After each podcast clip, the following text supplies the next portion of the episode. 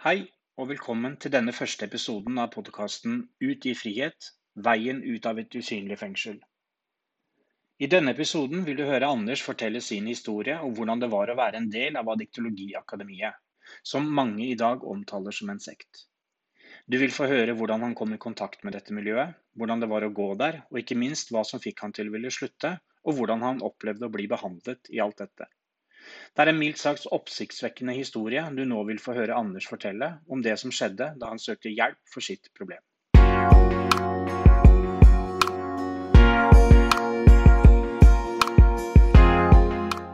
Hei, Anders. Hei, hei, hei. Hei. Takk for at du vil være med i dag. Jo. Eh, Vi kan jo starte med å si at eh, du og jeg kjenner hverandre, stemmer det? Det stemmer. Vi har noen felles erfaringer. Ja. Ja.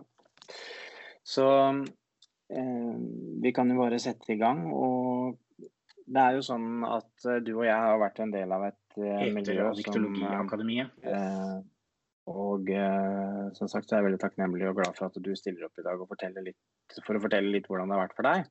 Mm.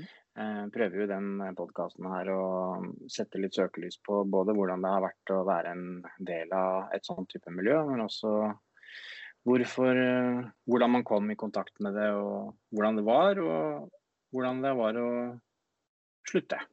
Ja. Så kanskje du skal begynne med å bare gi en liten kort eh, introduksjon av deg sjøl. ja, jeg heter jo Anders. Nå er jeg jo 40 år og oppvokst i Oslo. Mhm. Um, jeg har jo Ja, og jeg vet ikke helt hvor langt tilbake jeg skal gå.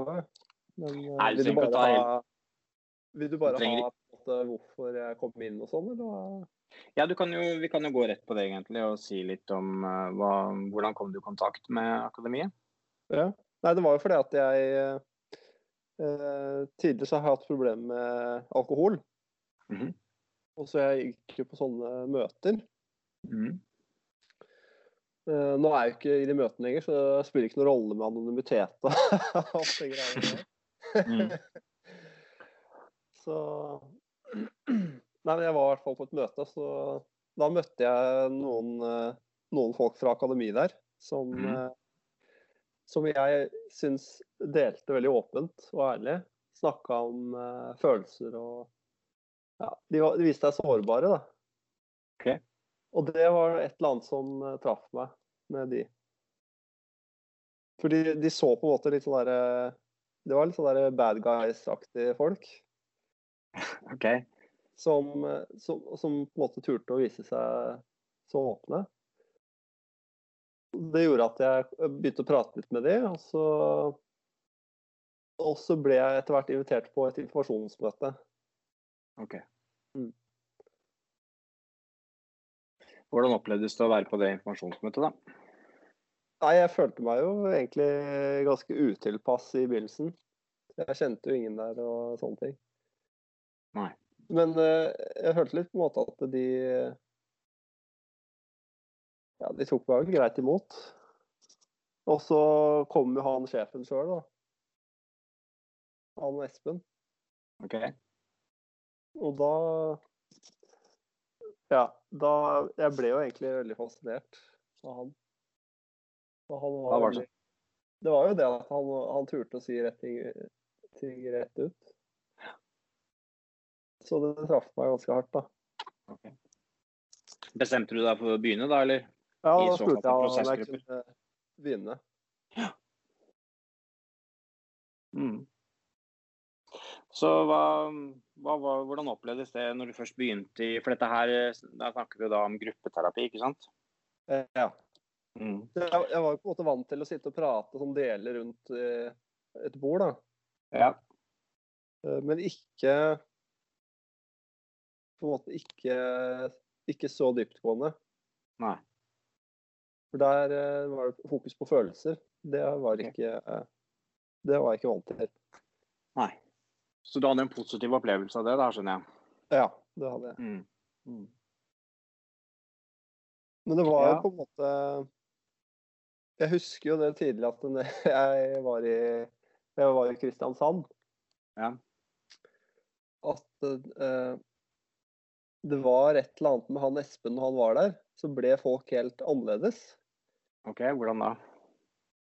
Nei, da var jo da var det alt fokuset var på han. Mhm. Jeg merka på en måte at jeg ble Jeg skjønte ikke helt hvorfor. Hva som var så spesielt med han. Men du hadde jo, du hadde jo, du hadde jo sjøl fått et eh, kraftig inntrykk av han sjøl når, du- når du var på informasjonsmøte osv. Ja. Mm. Det tok litt til- tid før jeg skjønte at det på en måte han var lederen. da. Ah, ja. OK. For jeg kjente ikke han eh, jeg, jeg, på en måte, jeg kjente ikke han på den måten som de andre gjorde. ok. Nei, Var det fordi at eh, han eh, stort sett var i Oslo, da, eller at han ikke var så ofte i Kristiansand? Det var andre som leda gruppene? Ja, det var det også. Ja, Skjønner. Ja, så hva skjedde videre, da? Hvordan, hvor, hvor, hvor gikk veien videre derfra? Etter den første tida, og tydelig at du hadde en Eller det kan virke for meg som du hadde en ganske positiv opplevelse i starten. Ja. ja jeg syns det var For meg så var det ganske positivt. Um, det er jo sånn eh, i begynnelsen at man blir godt tatt vare på. OK. Så jeg følte at jeg ble sett og Ja, så var det jo ålreit for meg å bli kjent med nye folk òg. Fikk jeg fellesskap? Ja. Mm. Det var jo litt det var jo annerledes måte å prate på. Det, ble, det var litt rart. Hvordan da? Nei, det prata på en måte litt sånn annerledes eh, Jeg vet ikke, det er litt vanskelig å forklare. Men eh, jeg merka ganske tidlig at det var et hierarki, da. Ja vel. Hvordan, mer hvordan merka du det? Sosialt eh, Det er hvem som eh, på en måte var eh, Oi, unnskyld, vi har hadde besøk.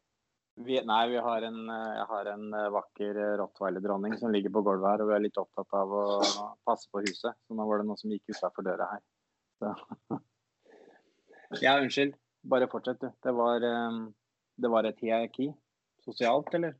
Ja, det var jo litt sånn sosialt, sånn som Mm. det er i samfunnet generelt. Men, men også så var det en annen ting som på en måte gjorde at jeg fikk mer lyst til å- gå der, var det at når jeg var på møter, så merka at det var veldig motstand mot dette her. Ah, ja. Innad i på Det vi snakker om er tolvtrinnsmøter, forstår jeg. Ja, ja. Ok, Så Så, det, var, det, det var motstand mot uh, de som gikk i akademiet? ja veldig motstand. Mhm. Så jeg følte at det var urettferdig. Ok. Du ble, så var du det ble litt trassig? Ja, jeg er litt sånn derre Jeg liker litt den derre underdogen. Ok. Men jeg merka også for altså var det etter hvert eh, Etter hvert som jeg gikk der, så ble det mer og mer press på ting Altså dette her var jo en eh, Jeg gikk jo ikke på utdannelse eller noen ting. Nei. Men jeg så at de andre gikk på utdannelsen, Mhm. Jeg merka at det skjedde noen endringer med de. Ja. Uh, og så var det etter hvert så ble det blir jo stilt ultimatumer underveis. Ok. Uh, Så enten så må du gå over på å begynne på utdannelse, eller så er du ferdig da etter to år. Og den utdannelsen vi snakker om her, da, det er jo da adiktologiutdannelsen, da. Ja. Så det var Hvis jeg forstår deg riktig, så opplevdes det som på en måte en naturlig eller nat ja, naturlig eller unaturlig. At det var på en måte forventa at uh, etter hvert så var det, var det utdanning man skulle ta. ja. Det er på en måte det som er hele veien. Man får alltid et valg, men Ja. eh, det valget er sånn eh, Holdt på å si Du velger å være med, eller så er du ute. Ja. Det blir jo på en måte litt som et spill, det òg. Enten eller, eller? Ja. Du har jo valget sjøl, men Ja. velger du feil, så er du ute. Ja. Og så blir det for meg i hvert fall litt sånn Når jeg hadde begynt å bli kjent med folk og begynner å bli glad i folk, Mm. og så begynner du å ha brukt en del penger, da Mm. blir det vanskeligere å liksom bare bare kutte ut, liksom. For da da føler man jo at alt er bortkasta. Ja, konsekvensen av å velge å ikke bli med videre på nye ting blir store, da. Eller for store. Ja. Det er jo det. Mm. Og så var det også dette her med Vi lærte jo om forskjellige typer avhengighet. Det er jo det som er litt spesielt med Addictologiakademiet, at alt, alle for, forskjellige typer eh, avhengighet går under ett. Mm. Det er jo ikke så vanlig. Nei. Og det, det var også et press på meg, husker jeg. For jeg har jo Altså, jeg har jo alltid drukket. Ja.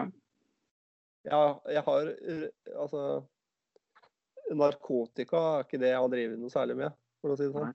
Nei. Jeg har aldri prøvd noe tyngre stoffer. Nei. Men jeg ble på en måte oppfordra til å gå på møte for det.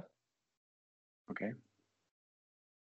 Som jeg var ganske Jeg ville ikke det i begynnelsen, da. Nei. Og så ble jeg overtalt. Så ble jeg med på møtet. ok. Og ja. jeg likte det litt pga. at det var yngre folk. Ja. Så var det den kampen da, som jeg syntes var litt spennende. ja. OK. Ok, Men det var, ikke det, var kanskje ikke det som i utgangspunktet var behovet ditt? At det, at det Jeg følte at jeg ble pressa litt inn i det, men på den annen side så syns jeg det var litt ålreit òg, da. Ja. For det er jo Avhengigheten var jo det samme, på en måte. Forstår. Men eh, begynte du på utdannelsen, da? Etter hvert så gjorde jeg det, ja. Ja. Mm. Hvordan eh, opplevde du det? Nei, det var jo eh, som Altså Jeg syns det var veldig spennende. Mm. Og jeg, jeg syns det var ganske gøy også. Mm. Og det var jo veldig holdt på å si veldig rart det, det var veldig rar eh, ja, Det er veldig rar stemning når Espen var der. For alle var på en måte redd for han. Ja vel. Så det, det var egentlig bare det samme som du opplevde når, eh, når han var i Kristiansand, da? Ja, folk ble rare og stille og, og Ja. Ja. Du kan le av det nå, men det var kanskje ikke så hyggelig da? Nei, det var eh, Det er fascinerende. Fordi du vet når du er ny, vet du, da er du Mm. litt eh, Du er litt skåna. Ja, OK. Du blir på en måte litt beskytta. Du ja, Jeg vet ikke hvor, eh, hvordan vi skal gå inn i det, men eh, Nei, men det er jo interessant at du beskriver det. Det er jo, ikke noe, det er jo, det er jo forståelig, det. At eh, når man er ny, så får man gjerne mm, mye oppmerksomhet, blir tatt godt, godt vare på osv. Egentlig ja, det meste er positivt hele veien. Ja. Og så er det jo de på en måte som er diffe, de som er eh, på en måte på et dårlig sted, ifølge læreren. mhm. Ja. De får jo ganske mye tyn og pepper eh, da. Ja. Og, kan kanskje, ja, kan jeg bare forklare for de som hører på da, at eh, dette her uttrykket diffe, det kommer jo da fra, fra addiktologi, som eh, egentlig bare er et uh, kallenavn på det som kalles den delen av personligheten som er vårt ego, da, som man legger til altså, Det er et grep for å kunne skille sin sanne jeg kontra de dårlige sidene som man gjerne vil jobbe med. Så Derfor så ble det jo ofte brukt som at nå er du diffe, eller dette er diffe. Um, og som utdanna addiktolog sjøl, så kan jeg bare si at uh, den måten det ble brukt på, man kan jo mene om det er riktig eller feil måte å gjøre ting på, opp imot avhengighet osv., det er en annen diskusjon. Men den måten som jeg har erfart på, og det kan jo du si om du er enig eller ikke, Anders, men altså den måten som det blei brukt på i akademiet, var jo veldig, veldig negativt. Altså det, sånn som jeg er utdanna og har lært det, så er jo det en, en teknikk for å på en måte lettere kunne skille vekk de dårlige egenskapene man har, og på en måte akseptere det, men at det ikke er en selv. Altså det er ikke, det er ikke den jeg er. Det er på en måte en annen del av meg som jeg ønsker å på en måte jobbe med. Eh, Men sånn som jeg opplevde at det ble brukt i akademiet, er at det er et veldig sånn negativt ord. At du hele tiden ble godt og beskyldt for å være diffe, eller at man, det ble veldig mye fokus på det negative. da. Eh, du om du kan være enig i det, eller om du har en annen opplevelse av det. Jeg er helt enig i det, for det er eh, Det var litt av det som er eh, som jeg syns var fint med adjektologien. det var, det, det var faktisk den der, at eh, vi var på jakten etter den diamanten, det fine. Ikke sant? Mm. Mm. Og så var det på en måte Diffe da som ødela den misbrukspersonligheten. Som ødela mm.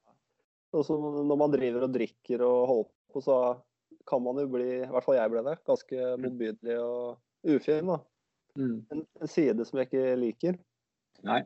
Og da er det på en måte jeg holdt på å si prøve å se at man, man er ikke bare det. Man, er, man har noe fint i seg. Mm. Men, men fokuset ble jo som sagt på den misbrukspersonligheten, Mm. stort sett. Ja. Så man blir jo på en måte Når man er veldig åpen og ærlig på følelser og ting man har gjort, og, så gjør man seg veldig sårbar. Mm. For uh, det er jo mye skam forbundet med akkurat det der. Ja. Og når, eh, når eh, på en måte terapeuten trykker på det, eller bruker det, da, Mm. så blir det ganske lett å få kontroll. Ja. Det Følte opplevde jeg. Du følte du deg kontrollert? Ja, jeg gjorde jo det på mange måter.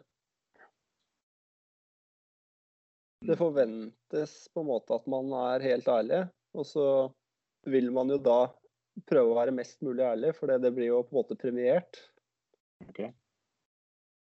Og så s- jeg ser mange tilfeller hvor folk eh, var ærlige, og så fikk de på en måte skryt for det. Ja. Og hele, da på en måte se gruppa på den personen og, og oi, han, var, han har han vært på et bra sted, og nå liker lederen han. Da liker vi han òg. Ok, Veldig Ja. sånn gruppedynamikk. jeg forstår. Så- Så det var veldig sånn at det han lederen sa, det gjaldt. Ja. Så hvis han plutselig en dag eh, For en dag kunne han komme og snu det der helt på hodet. Ok, Hvordan da? Med å plutselig dra det der eh, som han hadde skrytt av, til å plutselig være noe helt jævlig. Ja. At eh, den personen drev og misbrukte og løy og holdt på, som han pleide å si. Og da snakker vi da om at dette skjer i en, i, en gruppe, altså i, i en, ja, en gruppesetting.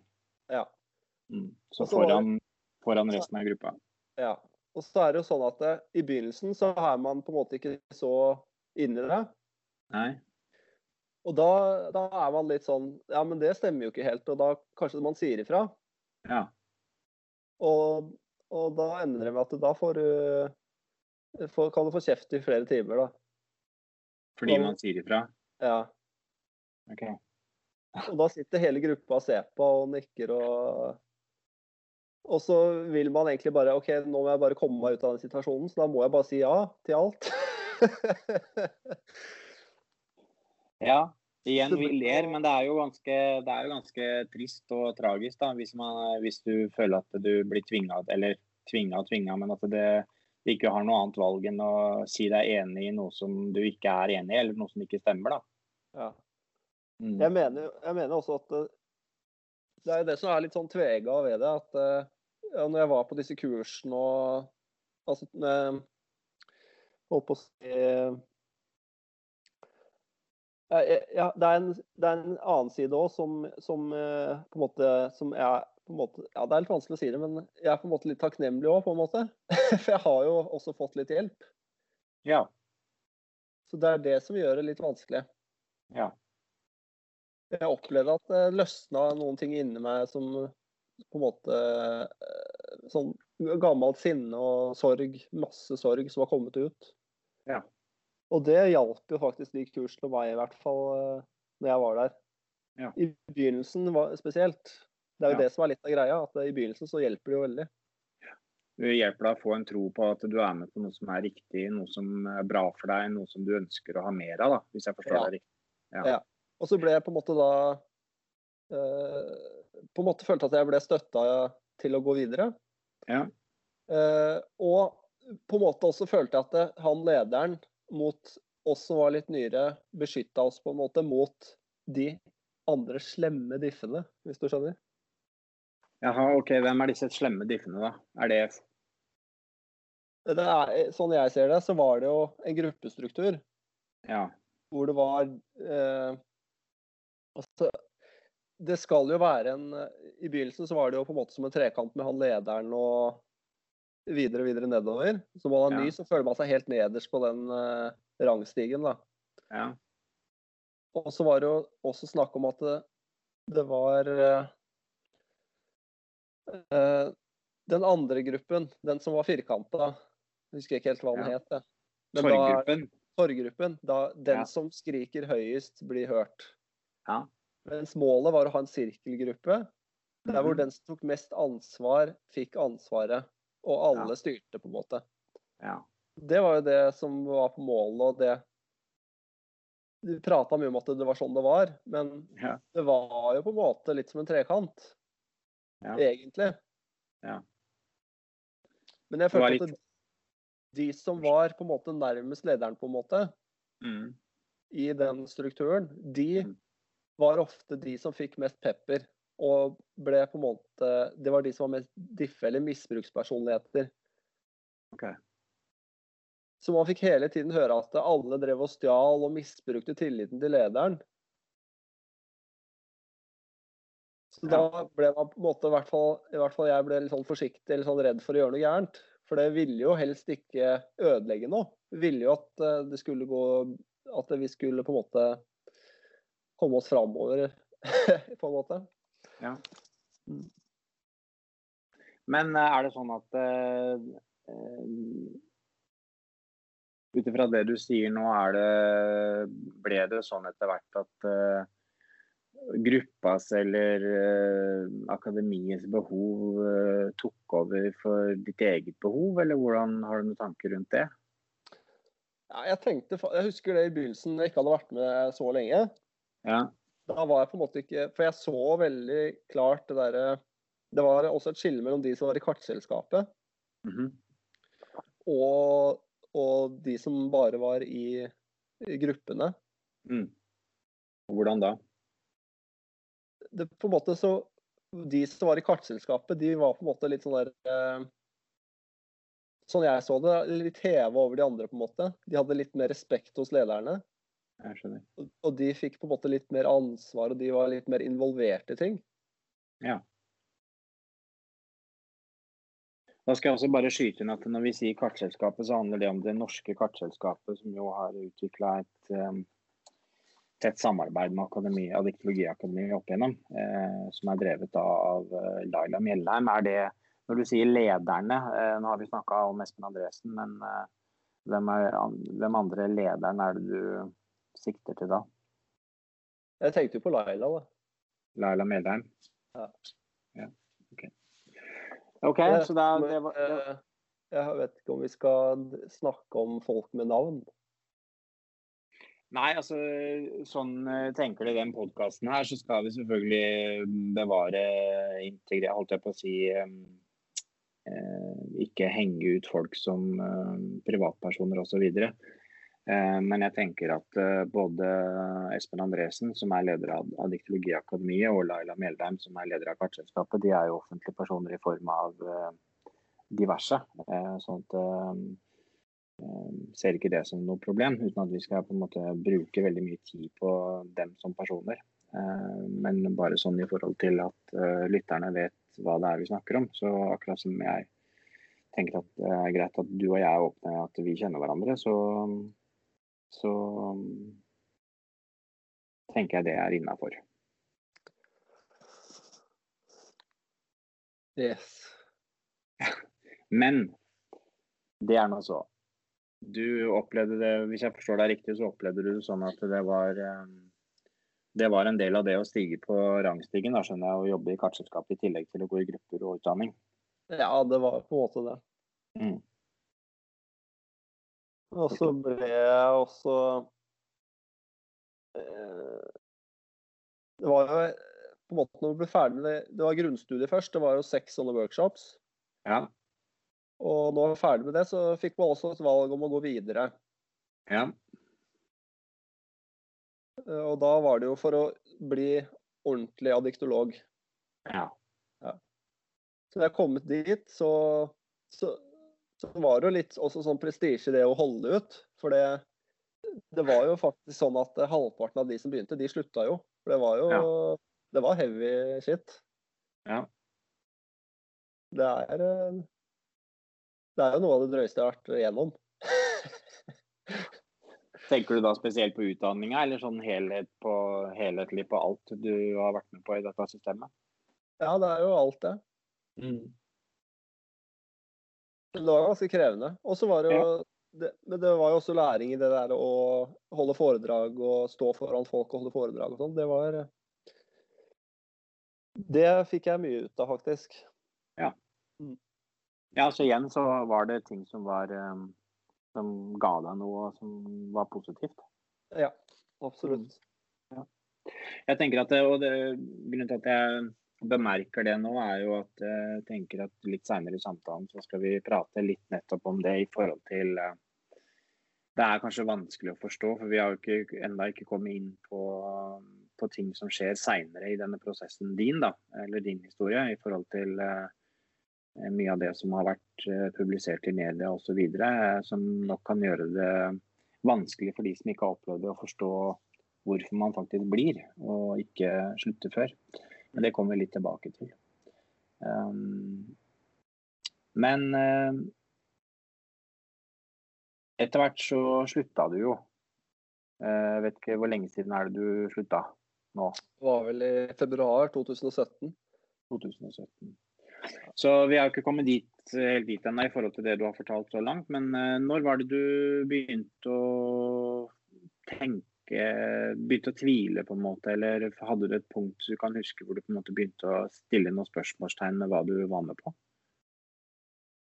Ja, altså det var jo underveis hele veien når på en måte jeg så de venner jeg hadde som på en måte plutselig ble stilt til veggs, da.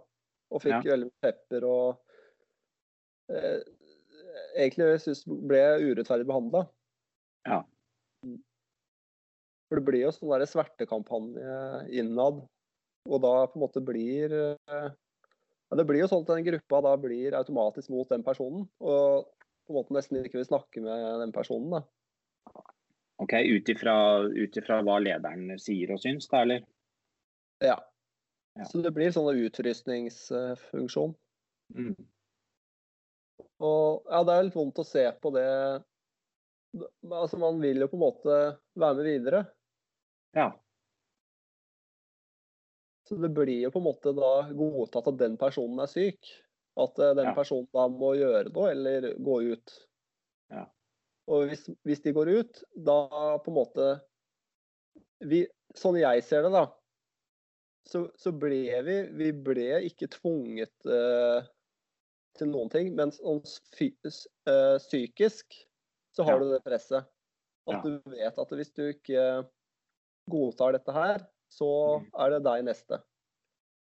Mm. Så det blir en form for uh, indre selvjustis eller trussel, på en måte. Da. At du veit du, du vet konsekvensene hvis du ikke bare føyer deg og, og blir med på det som foregår. Ja. Ja. Så det er på en måte det er, Sånn jeg ser det, så ble ingen sånn direkte tvunget til noen ting. Men, men på en måte indirekte, da, ved eller sånn sosialt press. Og du lærte etter hvert Hvis du ikke gjorde som forventa, så fikk det konsekvenser. Ja. Jeg kaller jo podden den 'Ut i frihet'. eh, Veien ut av et usynlig fengsel, har jeg kalt det. Og det for det syns jeg på en måte Ikke på en måte, jeg syns det beskriver veldig godt at eh, det blir et eh, indre fengsel eh, som man ikke kommer seg ut av. eh, Som virker veldig rart når man ikke sitter i det sjøl. Fordi det er som du sier at eh, det er jo ingen som har låst deg inne eller eh, tvinger deg til å gå inn døra eller egentlig gjøre noe som helst. Men samtidig så kommer man til punkt hvor du har investert så mye, både tid og energi og sosiale relasjoner og, Mm. og ikke minst penger, da, at eh, konsekvensene av å ikke bli med på det som skjer videre, det, det blir veldig stort. Ja. Mm. Og det er noe, altså har jeg bare lyst til å si det, altså Noe av eh, grunnen til at jeg var der på en måte så lenge, for min del, Ja. Mm. det var det at jeg faktisk sånn følelsesmessig fikk det bedre. Ja. Uh, så jeg har jo ofte vært en person som har likt å trekke meg tilbake og være for meg sjøl og ikke være blant så mye folk. Ja. Så, så jeg fikk mye sosialt ved å være med på Vi hadde noe som skjedde hele tida. Vi måtte på måte, var forventa at vi skulle være med på. da. Sånne Ja. samlinger og treff og møter og Ja. Men det ble jo Det ble jo på en måte I hvert fall for min del sånn at man skal være flink, da. Og Ja. gjøre, gjøre mer liksom for å bli sett av lederen Ja. og få oppmerksomhet, da. Mm. Eh, For gode ting. Ja. Så for min del så ble det jo litt sånn tvangsmessig. At jeg begynte å gå på flere og flere møter. eh. Til slutt så gikk jeg jo på Jeg tror det var seks møter i uka, jeg. Mm. Og ja. Det ble jo Det ble på en måte altoppslukende. Ja. Så da gikk du altså, gikk du altså i prosessgruppe. Eh, du Ja. tok Først- utdanning. begynte først én gang i uka i Kristiansand. Ja. Ja. Gikk du etter hvert i to grupper i uka, eller? Etter hvert, ja. Jeg ble etter hvert pusha mer og mer på å begynne i kartselskapet. Ok. Så da skal oppsummere litt. Så du begynte da først i en prosessgruppe, som da én gang i uka, til å gå da til to ganger i uka. Eh, så begynte du på grunnutdanningen på adiktologi, som er seks workshops over et halvt år. Ja, altså jeg begynte På den andre gruppa begynte jeg å se Ja, ja. Eh, og så fortsatte du på metodekurset, som det heter, som er seks nye workshoper. Ja. Så begynte du i kartselskapet. Yes. Så gikk på seks møter i uka. Mm. Tolvtrinnsgrupper. Ja. Um, Ja, det varierte selvfølgelig litt, da det ble det til slutt. ja, jeg skjønner. Um, men dette her blir jo totalt sett ganske mye, da. I tillegg til sosiale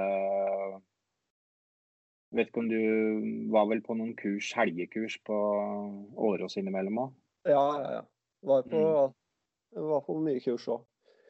Og så var det jo det- sånn man gikk i kartselskapet, da ble det jo i hvert fall forventa at man skulle gå på kurs. Ja. Så hvis du ikke meldte deg på et kurs når du kom, da var du på vei ut. Da var du på vei ut stupet, som okay. de brukte å si. Så nye forventninger til nye kurs og nye ting du skulle være med på, da. Ja. Mm. Så tjente tjente jo ikke så bra, så jeg hadde jo hadde jo ikke akkurat eh, god råd. Så, var, var, eh, så da ble det jo kredittkort som jeg brukte for å betale dette her. Og så var jeg jo ganske bekymra, for, for jo, jeg så jo at det gikk jo bare mer og mer penger. Og jeg måtte låne ganske mye penger av moren min nå, som, ja, som ikke føltes så bra. Ja.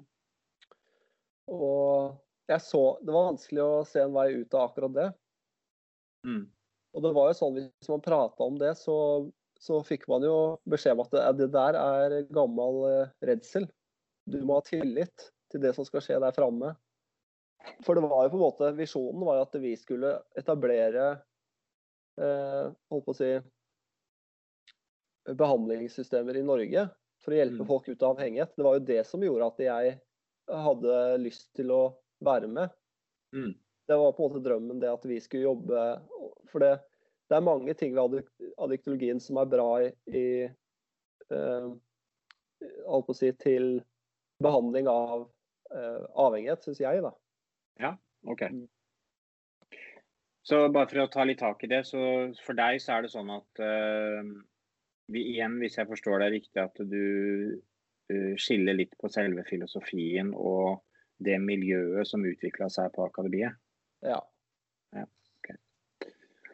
Jeg husker jo det at det var jo folk Altså han derre eh, Ikke Torbjørn, for det er jo han som har lagd adiktologien i Sverige. Torbjørn Fjellstrøm, ja. Ja. Men Mm. hans sønnen hans, Andreas, eh, var der og holdt kurs, og eh, det var på en måte en helt annen eh, Det var en mye mykere form for praktisering. OK. Så du opplevde forskjell på de svenske lærerne og Ja, det du fikk fra det norske? Ja læren, altså teorien er jo det samme, kan du si, men eh, måten det ble presentert på og undervist, var forskjellig. Ja. Det var mye hardere i Norge. Det var, eh, det var mer pisk. Ja. Det var ikke noe kjære mor. Nei, det var, eh, det var ikke det. Nei. Og det var jo også en ting som jeg var fascinert av. Den vanvittige Altså, han er jo veldig karismatisk. Hvem snakker du om nå? Espen Andresen. Så jeg syns også det var ganske fascinerende å sitte i de gruppene når han holdt på i flere timer og skreik og Det er jo noe som ingen har sett, bortsett fra oss som har vært der inne. Det er et aspekt av dette her som eh, Det er eh, Ja, det er faktisk uh, unikt. Ja.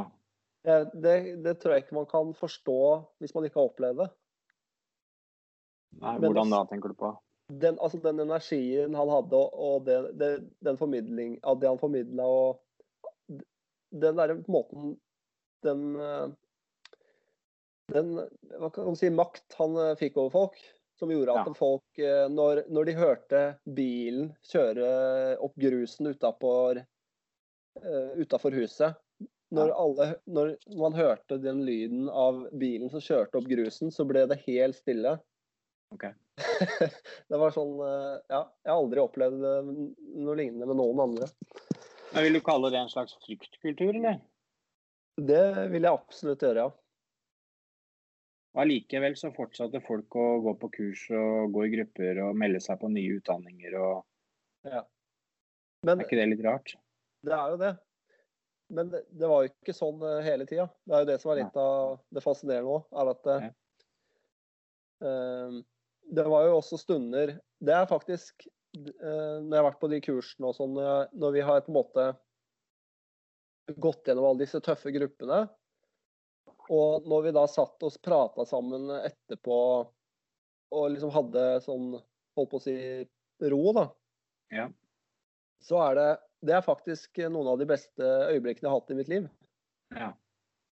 Det vet jeg ikke om du kan kjenne deg igjen i, men eh, jo, da følte jeg et, et, enormt sånn fellesskap, og at jeg førte virkelig til. For det er jo noe jeg har hatt problemer med hele livet. At jeg ofte ikke har følt at jeg har ført til, eller hørt til. Mm. Nei, jeg kjenner meg, kjenner meg absolutt igjen i det, og det er jo det er jo den største, altså den største, positive jeg har fått med meg av min erfaring opp gjennom de ti åra som jeg var en del av dette systemet. Så er det jo alle de utrolig fine folka som jeg har møtt, som har både vært eh, klienter og studenter og på annen måte. Jeg har jo hatt en, en lederrolle etter hvert oppi dette. Ja, det, det, er sånn trist. Det syns jeg er trist å prate om. Ja, ikke sant. Det er jo og det gjør det jo, i hvert fall for meg, uh, igjen skaper denne her konflikten, eller har i hvert fall skapt veldig mye konflikt i forhold til å veie disse tingene opp imot hverandre. Det har vært så ekstremt, uh, nå snakker jeg om mine egne erfaringer, negativt og voldsomt og utrolig Det har tatt mange år å på en måte se hva det egentlig dreide seg om. Og så I tillegg så har jeg da alle disse utrolig fine folka ja. som i utgangspunktet har noe med det å gjøre, som både Eh, vi er jo alle, mange av oss som har vært med, har jo gjort uh, dårlige ting overfor andre innad i systemet. Men, uh, men, vi hadde jo på en måte ikke noe valg. Uh, nå skal ikke jeg lage noen unnskyldninger for meg sjøl, jeg skal stå for de tingene jeg har gjort. Men dette er liksom en, en psykologisk, noen psykologiske mekanismer som kan være vanskelig å forstå når man ikke har opplevd det. Så jeg kjenner absolutt igjen det. Og da kan jeg kanskje bare påpeke at og korrigere meg hvis jeg tar feil, men disse stundene som du prater om når selve kurset er over og man sitter på kvelden og har sosialt samvær, så er vel det da gjerne uten lederne? Ja, det var stort sett det, ja. ja. Jeg var, var veldig, sånn når han holdt på å si var uh, Der hvor han var, mm. så syns jeg det var ubehagelig å være. Ja. Ja, det er jo spesielt. Ja, er når, man, da, Når, når, man tross alt da fortsetter år etter år å investere mer og mer. Ja. Men, eh, det er akkurat det er det som jeg tror er grunnen til at jeg også har fortsatt så lenge, er jo akkurat det du beskriver. Den, det der eh, samholdet og alle de fine folka da, som har møtt. Ja. Og akkurat det syns jeg er litt synd, at ikke det har kommet. Det var eh, ja, hvor mange fine folk det egentlig er der. da. Ja. Men da, da, skal vi sørge for at det kommer fram, da. Men eh, jeg har lyst til å høre litt uh, i prosessen din i forhold til uh, når det begynte å gå mot at du kanskje tenkte at dette her har jeg ikke lyst til å være med på. Uh, ja. Hva tenker, har, tenker du rundt det? Ja, altså det var jo ganske Når jeg begynte å jobbe i kartselskapet der, Mm. så merka jeg en, eh, at det skjedde et eller annet, en endring. Da Ja. Da var det på en måte ikke så rosenrødt og uh, Ja, jeg følte på en måte at da var det mer alvor, da, kan du si. ja. Da forventes det mer. Ja. Og så var det dette her uh, Nå vet jeg ikke om du har jobba noe med salg, men jeg kom jo når jeg begynte i kartselskap, så jobba jeg i en annen bedrift som drev med salg. Ja. Jeg solgte sånne eh, veldedige pakker til folk. Ja. Det var mens jeg studerte, da. Ikke? Ja. Og så ble, begynte, jeg begynte i kartselskapet, så så- å sitte liksom i åtte timer og ringe hver dag, det er ganske sånn eh, krevende sånn eh, psykisk. Ja. Og bli konfrontert med Ja, men er ikke dette her svindel og og sånne ting? Ja. Nei, det der er gammelt, og det var det som skjedde Sorry. Det var det som skjedde med Ahus og alt dette her. Den gamle regla. Så i begynnelsen så trodde jeg jo på alt det der. At det, ja, nå er det endringer og ting er annerledes nå. Nå har jeg lært av de feilene og sånne ting. Så jeg eh, gikk jo ganske lenge rundt i det og, og tenkte at det, det ikke var så dårlig. Og så var jeg jo Jeg husker jo det at den, før jeg begynte, så det jeg spurte om eh, disse produktene og liksom Jeg skjønte ikke helt Ja, men det hør, er det så bra, liksom? Du, du dukker opp i et kart, eh, og så har du en sånn der GPS-greie. Mm -hmm. Så jeg lurer på hvordan det funka. For jeg har ingen som har sett det eller prøvd det. I hvert fall som ikke jeg visste om. Og så litt av grunnen til at jeg begynte å Nå skal jeg ikke, eh, skal ikke på en måte unnskylde at jeg har gjort dette her, for jeg gjorde jo det et år. Ja. Og jeg satt jo til tider syntes også det var gøy å drive og ringe og prøve å få folk til å bli med. Ja. Så Men jeg merka etter hvert at det, For det Når man hadde sittet der et år, ja. så skulle man få lov til å begynne med porteføljer. OK. Og da er det jo sånn at du kan eh, fakturere deg automatisk og tjene mye penger. Ja. Uh, så For da, da når jeg skulle gå over der, så var det dukka det opp en del sånn tekniske spørsmål angående eh, Ja. Det var, det var i hvert fall, Jeg hadde noen spørsmål da, angående produktene, og hvorfor uh, kanskje ikke de kundene eh, som jeg trodde skulle gå automatisk over, ikke ble registrert i kartet. Det var en del ting som jeg lurte Ja. på, som jeg stilte spørsmål med. Ja. Og da, da måte ble jeg konfrontert og ja, fikk eh, mye pepper, da. Og holdt på å si fikk, følte at jeg var han som hadde havna på det dårlige stedet og var på vei ut og all, alle disse tingene. Mm. Det var også på noen kurs der hvor jeg plutselig var han som eh, eh, på en måte ble stilt til veggs da, foran hele gruppa. Da. ja, for ting for du hadde gjort på jobb, eller? Eh, ting jeg hadde gjort på jobb, og da husker jeg ikke helt hva all resten var, men eh, Nei, men det, det, Detaljene rundt det er jo for så vidt ikke så viktig. Men jeg tenker at det her kan også være klart å, eller greit å klargjøre litt for de som hører på at eh, nå snakker vi jo da plutselig om en jobb du har i et salgsfirma. Eh, samtidig som vi prater om at du går i akademiet, addiktologiakademiet, i en terapi og tar en utdanning. Um, og Det kan jo være litt vanskelig for folk å skjønne sammenhengen der. Så kan jo bare si noe kort om at eh, grunnen til at vi prater om det på den måten og at det henger sammen, er jo at fordi eh, lederen av kartselskapet tok kontakt med Akademiet og Espen Andresen i forhold til noen utfordringer eh, hun hadde på, på jobben, så ble det oppretta en kontakt eh, derimellom. hvorpå lederen begynte selv i kartselskapet begynte å gå på utdanning på, på FUNN, som det heter, Frie universitet i Norden, som driver adiktologiutdanninga.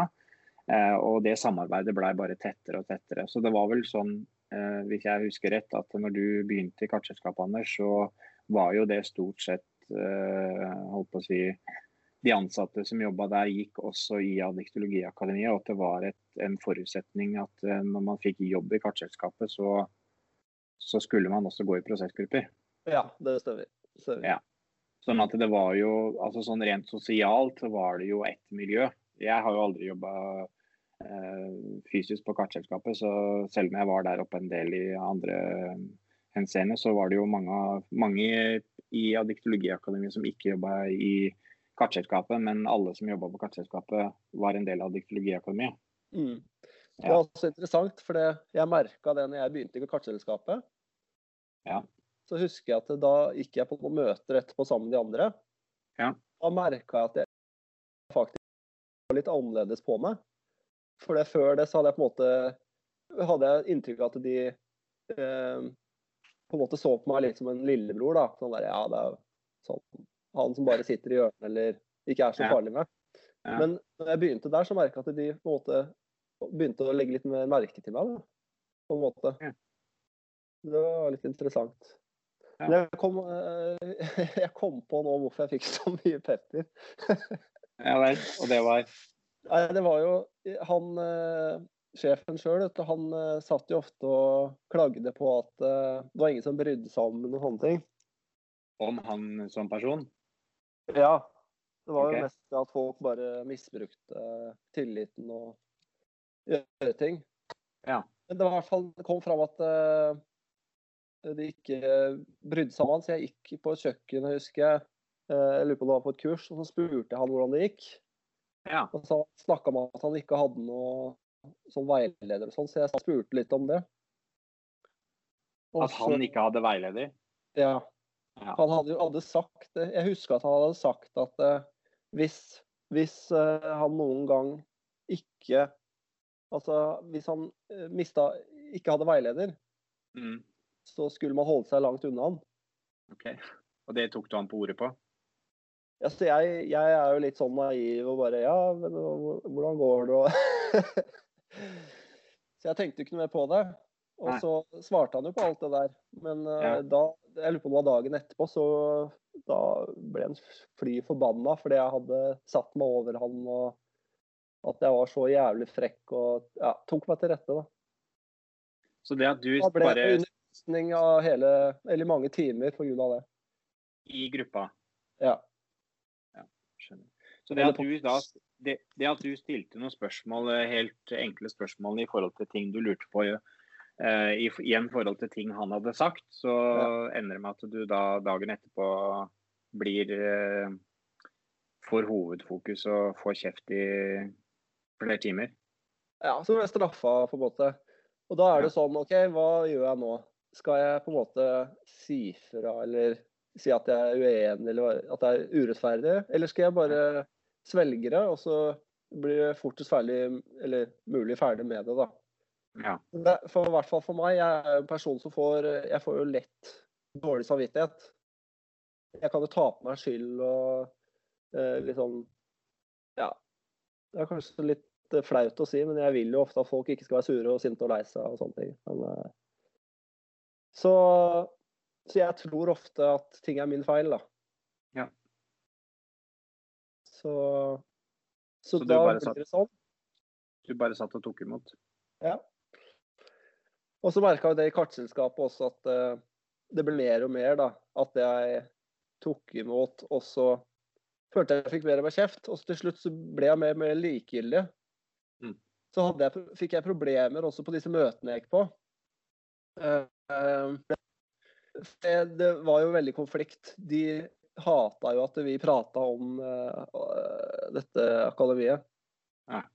Og jeg, jeg, jeg er jo også en sånn som Jeg liker å provosere litt av og til. Ja. Så jeg fortsatte å prate om det, og det endte jo faktisk med at uh, det ble nesten håndgemeng da, på et av disse Ja. møtene. Og da uh, var det også sånn at jeg ble oppfordra til å politianmelde. Hvem var det som oppfordra deg til det? Det var vel eh, der inne, da. Ja, på akademiet, eller? Akademia. Mm. Det er ikke noe direkte oppfordring. Det er jo aldri noe som er direkte, men du føler det. I hvert fall Ja. sånn jeg opplever det, da. Så eh, Så etter det så fikk jo jeg da noen porteføljegreier, og da tjente jeg mer penger. Ja. Så jeg fikk noen goder. Ja. Men det var ikke sånn at det var noe avklart, eller Det er ingen som sa- at eh, hvis du gjør det, så skjer det. Men det skjedde av, som en konsekvens for det jeg gjorde. Ja, fordi du, an for, fordi du anmeldte, da, eller? Ja. OK. Så, Så jeg sa beløp- jo også det til politiet at jeg egentlig ikke ville anmelde. Nei. Dette det var en, eh, noe litt spesielt jeg var med på, da. Ja. Men jeg Skjønner. gjorde det. Mm. Det er jo Ja. Jeg har gjort det. Det, det, var, det er jo kjipt for han eh, som ble anmeldt. Men eh, det er jo Kan jo Jeg også veit jo det at eh, det har jo vært Det ble etter hvert en eh, Rett og slett en greie, det der at eh, de som slutta, eh, fikk jo kampanjer mot seg. Det kan jo du få si litt om straks også, i forhold til eh, at eh, det ble oppfordra over en lav sko å anmelde tidligere klienter i forhold til eh, påståtte ting som de skulle ha gjort. da. Ja. Eh, vet ikke om du minnes det, men det var Jo, jeg husker det godt. Men det var ikke jeg var, altså, i, fra, Eller tidligere holdt på å si medlemmer, så jeg anmeldte ingen av de. Det var han på møtet. Det er det eneste. ja, Men bare, jeg fikk sånne ting. ja, Og jeg skrev Jeg bare- meldinger til folk som eh, ja, som er ganske flaut å tenke på. Ja. Jeg bare nevner det fordi at det er bare for å synliggjøre et mønster. At det er ikke, det er ikke bare du som har havna i den situasjonen som du beskriver nå. Igjen det der med at eh, det er visse ting man bare skjønner at eh, det her må jeg gjøre, ellers så er det over og ut. Mm. Um, så ja. Men jeg, eh, jeg i hvert fall på meg sjøl. For jeg ble ganske fortvila. For jeg følte at eh, jeg fikk jo flere og flere mot meg, følte jeg. Og Mm. eh, ikke bare utenfra, men også på innsiden. Ja. Og så følte jeg og så spurte jeg Det var jo sånn Man ble jo bedt om å be om hjelp hele tida. Ja. Og, og når jeg ba om hjelp, så fikk jeg høre at ja, du får bare kjenne etter, da. Du får ha tillit og bare kjenne etter. Ja. Og til slutt så tenkte jeg bare ja, men faen heller. Kjenne etter, ja greit. Men det, det kan jeg gjøre alene. Jeg kan jo kjenne etter så mye jeg vil. Ja. Så tenkte jeg det, faen meg, det gidder jeg faen ikke, tenkte jeg. Nei. Så merka jeg på jobben nå, den jeg fikk grenser, at uh, ja vel, ja greit. Så bare dreit jeg mer og mer i det. da. Ble likegyldig til slutt. Så, uh, ja. Så jeg ble vel forbanna da, på et punkt. Ja. Og så Var det, ja, var det det som fikk deg til å begynne å tenke på at nå vil jeg ikke være med mer, så, eller? så hadde jeg på en måte eh, Det var vel også noen som skrev noen meldinger til meg sånn på Facebook og spurte hva jeg dreiv med og sånn. Så ble jeg shit, hva gjør jeg nå? Så var jo barnslig, jeg bare blokka det og sånn, jeg. Så Jeg angrer jo litt på det i dag, må jeg si, men eh, sånn var det. Jeg ville ha Det blir jo på en måte Man blir veldig sånn lukka at eh, du hele tida hører at folk skal ødelegge og rive ned. Til slutt så begynner du å tro på det, vet du. At folk Ja, at eh, vil deg utenfra. Folk utenfra skal ødelegge det som de driver med i akademiet? Ja, de ser på en måte ikke det der fine at vi prøver å bygge opp noe sånn der Et veldig Altså et sånn apparat i Norge som skal redde hele Norge, da. Mm. det blir jo veldig naivt, men sånn var det. Et felles prosjekt? Ja. Det var på en Ja. måte det som var drivkraften, at vi skulle faktisk hjelpe folk. Ja. Gode intensjoner. I utgangspunktet, ja. Ja, hva, For å gå litt over til eh, din jeg, jeg siste periode. At jeg merka jo For jeg, jeg, jeg var jo hele tiden Jeg skulle være veldig lojal. Jeg ville ikke være en av de som svikta og Ja, jeg ville at de skulle stole på meg. Så jeg leste jo ikke de artiklene i avisa og sånne ting som var. Men helt på slutten så begynte jeg å tenke bare Jeg, jeg, jeg så en sånn dokumentar på NRK om scientologi, og da prata de om traumene, de, alt det der sosiale og og det var mange ting som jeg kjente igjen. da. Og da tenkte jeg oi, det der er jo ganske likt. Og så ser jeg at det, jeg vet at scientologigreiene, det Nå har ikke jeg vært inni det, men det, fra det jeg har sett, så, så virker det ganske sketsjy. Ja. Jeg tenkte at det der Faen, kanskje jeg må komme meg ut. Og så var jeg på noen grupper i, i, i Oslo og sånn. Eh, Og så var det en dag på jobben jeg snakka med sjefen og sa at eh, det var kroken på døra. da. Ja, du ville ikke mer? Nei. For det er jo litt, det- litt spesielt. For det, altså, de tidligere som har slutta, de har jo sagt at de på en måte blir kasta ut. Men jeg følte på en måte at jeg ville slutte. Ja. Men på en måte så ble jeg på en måte skvisa litt ut, da. Jeg skjønner. Men eh, når du sier at du snakka med sjefen, det var på kartselskapet, da. Eh, Du sa opp jobben din. Ja. Men hva slags eh, konsekven... Altså det, hvis jeg forstår deg riktig igjen, så det betyr jo da at det å slutte på jobben betyr jo da egentlig at du slutter med alt, da. Er det Ja. sånn? Ja. Mm. Det var ikke noe alternativ å enten slutte på utdanning og fortsette med det andre, eller å slutte i grupper og fortsette på jobb, eller å slutte på jobb og fortsette i grupper, på en måte? Absolutt ikke. For min del så var det Nå skal jeg bare ut. For det, nå har jeg fått nok. Ja, hva slags respons fikk du da? Nei, det var jo veldig sånn Det, det som jeg, jeg har bedt meg merke til gjennom alle disse årene, det var at eh, de som slutta, Ja. de bare stakk av. Og de betalte ikke for seg. De gjorde ikke opp for seg det de skyldte. Nei. Jeg tenkte at jeg skal ikke stikke av. Nei. Jeg skal gå i den gruppa og så bare ta imot alt det som kommer. Og da fikk jeg jo høre hvor eh, ja, manipulativ jeg var, og at alt bare har vært løgn. Og, og så ble jeg ble latterliggjort, rett og slett. Fordi Ja, du altså- ville slutte? Ja. Jeg ble latterliggjort, og de satt eh, Jeg ble hengt ut fordi jeg, gammel, jeg spurte hvor gammel jeg var og sånn. Jeg, jeg merker jeg blir trist av å prate om det. Det skjønner jeg, Anders. Ja, hva skal du gjøre nå? Åh. Ja. At jeg kommer til å ende opp helt alene og Så de, du blei trua rett og slett altså, med at det kom til å gå deg veldig ille hvis du slutta? Altså ikke ille, men at Eller i forhold til livet mitt, da. At jeg Men jeg følte meg trua. Jeg gjorde det. Nei, Det var jo spesielt etter at det, for jeg eh, ble jo bedt om å komme til Oslo og jobbe ferdig der på ja, gjøre ferdig, da. Så vi kunne For da ble jeg jo satt inne på et kontor. Det var ingen som prata med meg. De ble bedt om å bare overse meg. Så jeg satt der og skulle ringe ut den porteføljen jeg hadde, da, få inn mest mulig. Så ble jeg presentert det der, et regnestykke for at jeg skyldte jeg lurer på om det var 97 000. Hva var det du skyldte for da? Nei, det var jo For det, i forkant av dette her så ble jeg presentert med en del kontrakter i forhold til kurs og utdannelser. Ja. Jeg var så drittlei, så jeg bare ja, ja, bare gi meg, der, gi meg den pennen som har skrevet under eh, på de kursene og alt. Og så var det én utdannelse. Det var en utdannelse som het eh, eh, Var det traumaspesialist, kan det stemme? Traumaspesialistutdanning blei oppretta i forkant av denne i den tida her, ja. Stemmer det. Og da hadde det vært et kurs del én som ikke Ja. jeg hadde gått. Ja. Men jeg fikk beskjed om at jeg kunne bare begynne rett på part to. ja. Oi, tenkte jeg. Ja, det var jo stas. Så jeg skrev Da skrev- den. skrev. Hvor mye, hvor mye var den utdanninga på? Jeg lurer på om de kurs Var ikke de utdannelser på rundt 50 000? Stemmer det. Eller 49 eller et eller annet. Og så var det noen kurs. Og så var det jo en retreat, for jeg hadde meldt meg på en retreat på sommeren. Mm. Og der hadde jeg jo betalt et depositum på 8000 kroner, som jeg eh, hadde betalt.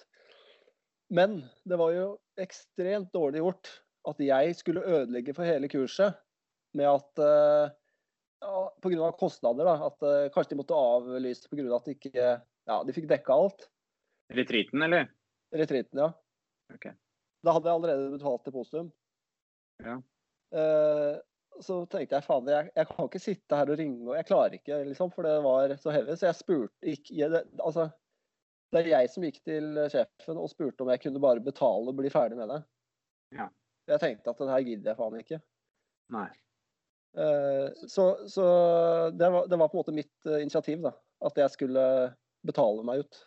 Ja, så du, du for å komme unna den situasjonen hvor du sitter da som en sosial outcast på jobben der og blir oversett og eh, er i den situasjonen du er hvor du har tatt et eh, ganske van veldig vanskelig valg i forhold til å slutte, så, så blir du altså sittende med da en, eh, jeg sier i anførselstegn, gjeld på over 90 000 kroner for ting du ikke har vært med på.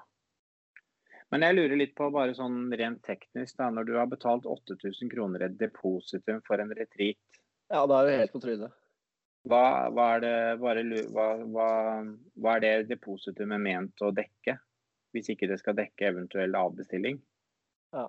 Det er jo den måten de kontraktene er uh, skrevet på, at uh, du står til ansvar for alt, da, egentlig. Ja. Om det er helt uh, ja. Nei, men det er jo også et mønster som, som det er mange som kan skrive under på og fortelle lignende historier. At uh, man havner i en situasjon hvor du ikke egentlig føler at du har noe annet valg enn å bare skrive under på en kontrakt for noe som skal skje i framtida. Så velger man altså, da å slutte, og så blir man sittende igjen med masse gjeld for noe som egentlig ikke er, det er ikke virkelig i det hele tatt. Ja. Det er på en måte det Når du har vært inne i det systemet her så lenge, så blir du på en måte til slutt du blir på en måte uh, utslitt. Ja. Til slutt så blir du på en måte likegyldig. Ja. Det er det som er litt skummelt. Ja. Da er det mye okay. lettere å begynne på ting. Ja. Så da, da, blir du enig om at du skal betale deg ut, da bare slutte der og da? Og da er de veldig greie med meg. Så de sier vet du hva vi gjør da? Da kutter vi ditt og datt. Og så til slutt så står du igjen med da Jeg lurer på om det da var 34 000. Ja. Uh, greit. Uh, så tenkte jeg OK, hvordan skal vi gjøre dette her? Så jeg spurte eh, kan jeg bare dele det opp i to måneder, for jeg har problemer nå med å betale alt. Og da fikk jeg jo beskjed av uh, sjefen da, at ja, ja, det er ikke noe problem. Så da greit. Gikk jeg ut og tok ut uh, uh, Jeg lurer på om det var Nå husker jeg ikke helt beløpet, da. Det var 19 000. Tok ut kontanter. Gikk rundt på minibanker rundt ved Oslo S og sånn. Tok ut penger. Betalte det. Gikk og la penga på disken til sjefen. Og så var det Fikk du noe kvittering, eller? Nei. Nei. Det gjorde jeg ikke. Jeg spurte men hvorfor kan jeg ikke bare sette det inn på konto. Nei, du kan ikke det, og bla, bla, bla. Og så til slutt så, så ga jeg faen i det òg. Det var greit. Jeg skjønte jo greia, liksom. Ja. Uh, og så tenkte jeg at OK, da har jeg i hvert fall litt tid på å skaffe det resten, da. Ja. det høres veldig sjukt ut. Det er jo egentlig det. Ja. Ja. Og så får jeg se at hun har ringt meg, hun sjefen, på kvelden. Ja. Eh, og så eh, spør om jeg kan eh, Så vidt jeg husker nå, så er det sånn at hun spør om jeg kan betale resten. Og så får jeg en melding av han Espen på kvelden. Da, at jeg, det, er, det, er, vel den som sto i media. Ja. At jeg har misbrukt sjefen i så lang tid, og det er best du betaler for det, bla, bla, bla. Og da, da, ble jeg faktisk redd. Tenkte jeg at uh, jeg orker ikke å gå rundt med dette her hengende over meg. Nei. Tenkte jeg bare jeg må bare bli ferdig med det. Jeg, kan ikke ha, eller jeg vil ikke ha noe med det der å gjøre. Da. Så da, dagen etterpå så gikk jeg, jeg bare tok ut resten, og så betalte. Og da på en måte avtalte jeg at uh, nei, jeg skal ikke Jeg vil ikke ha noe Men da er alt greit. Ikke noe mer Ikke noe advokater eller politi eller ikke noe Ingenting, da greier. Jeg ville på en måte bare komme meg ut. Og da ble det sånn. Og da, da var du ferdig? Da var jeg ferdig. I hvert fall uh, fysisk. Ja. Ikke mentalt. Jeg, jeg, ble jo ganske paranoid. Spesielt ja. etter at uh, ja, kompisen min ble slått ned. Det skjønner jeg. Mm. Så hvordan har tida etter, etter at du slutta i dette systemet vært for deg, da? Nei, det var jo ganske tøft å komme ut for det. Jeg følte meg jo jeg, altså jeg var jo redd for å ta kontakt med folk. Med ja. familie og alt. Jeg tenkte at alt var ødelagt.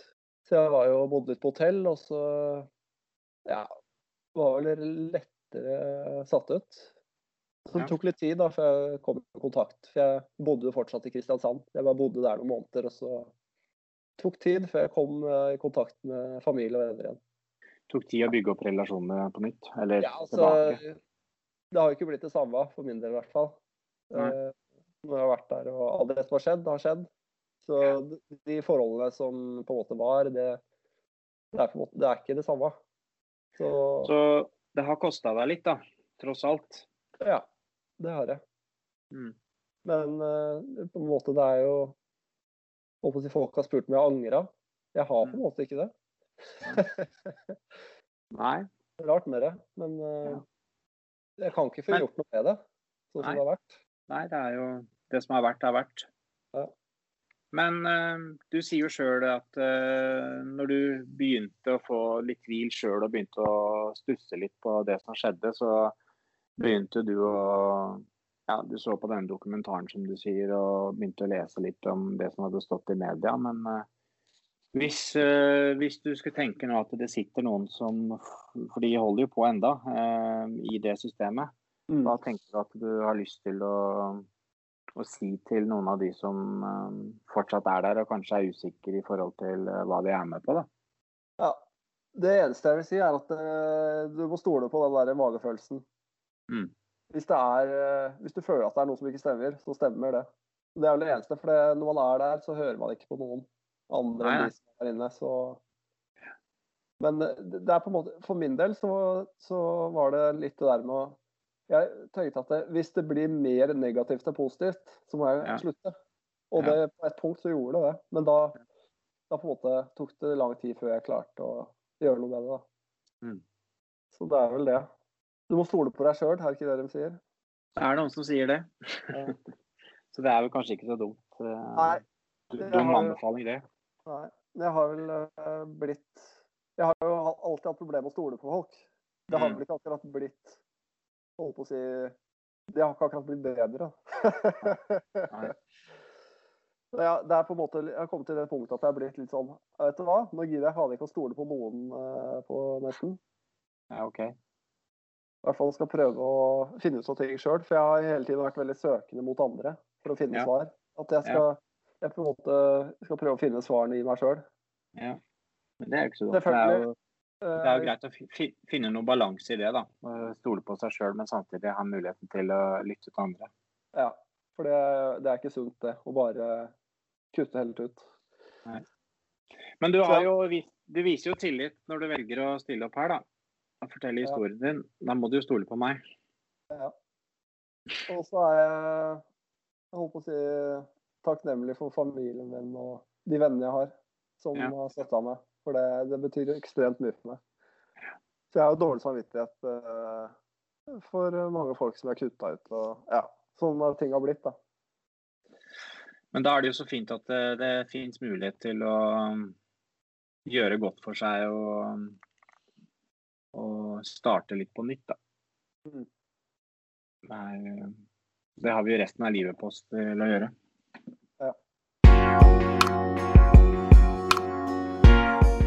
Her avsluttet vi samtalen, og jeg ga Anders, som avtalt, mulighet til å høre gjennom opptaket før publisering.